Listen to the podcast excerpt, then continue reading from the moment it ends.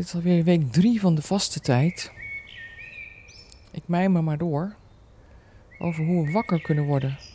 En dan bedoel ik wakker in de zin van dat we de mens kunnen worden zoals we bedoeld zijn, omdat we misschien wel veel meer aan boord hebben dan we denken. Want we denken veel, maar wat hebben we nog meer aan boord?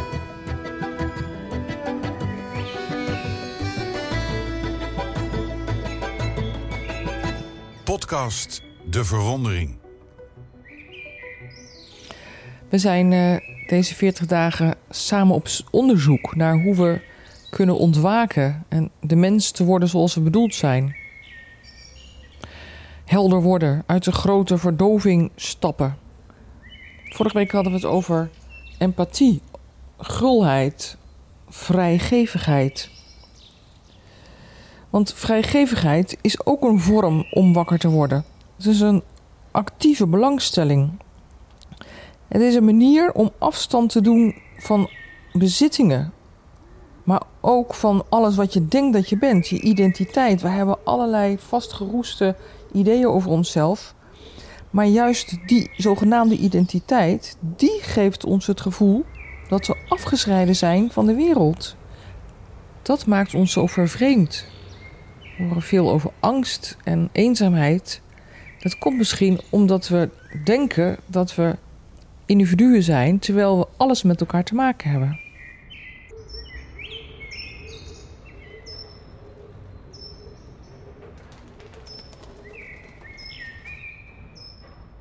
Om tot ons door te laten dringen dat we verbonden zijn, zijn er rituelen bedacht.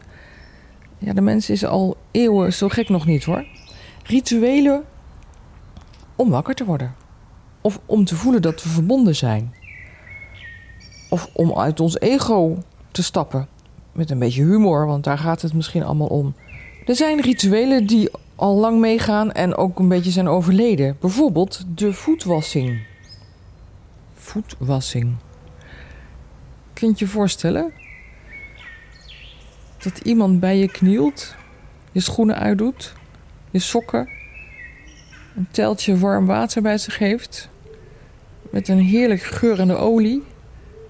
En dat hij heel liefdevol en teder je voeten gaat wassen. Zou je wel even van opkijken. Niemand durft dat natuurlijk.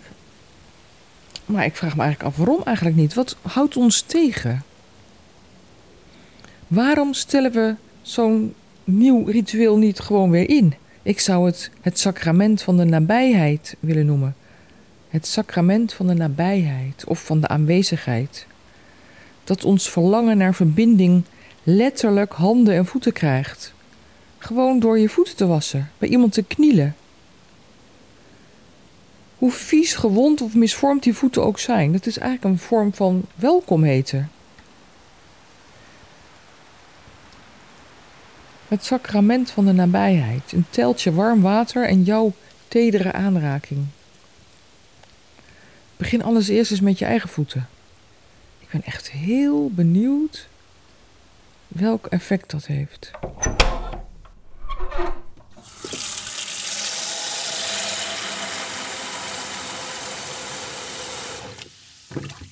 Het is ook een vorm van zegening. Dan kom ik toch weer uit bij Bach. Ik laat je niet gaan tenzij je me zegent. Ik lasse dich niet.